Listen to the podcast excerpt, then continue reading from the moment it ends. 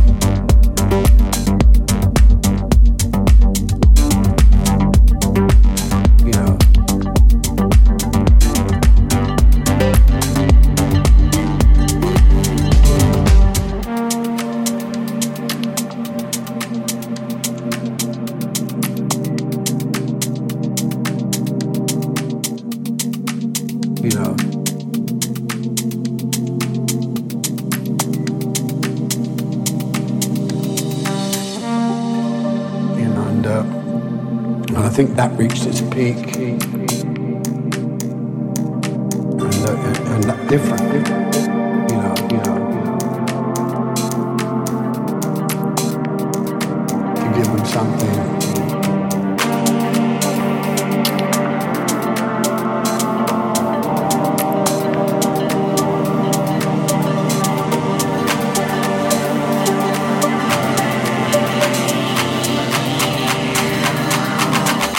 something,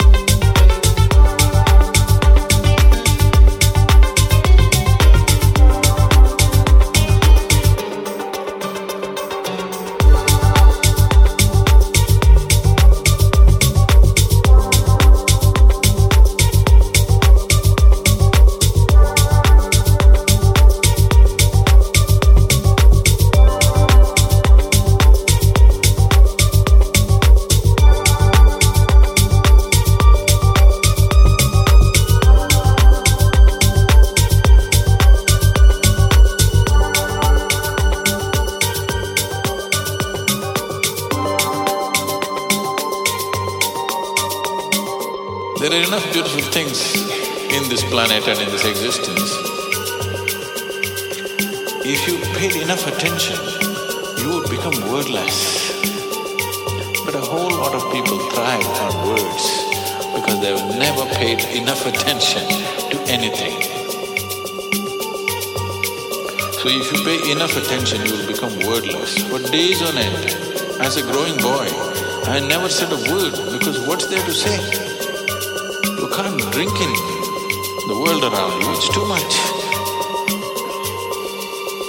These two eyes and these five senses are not enough to grasp.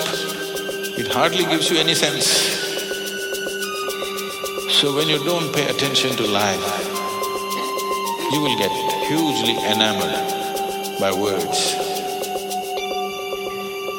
And I'm sure you said Buddhism and also you're repeating what Gautama said or whatever they printed in his name. Yes, because if I speak something today, by tomorrow morning it becomes hundred different versions.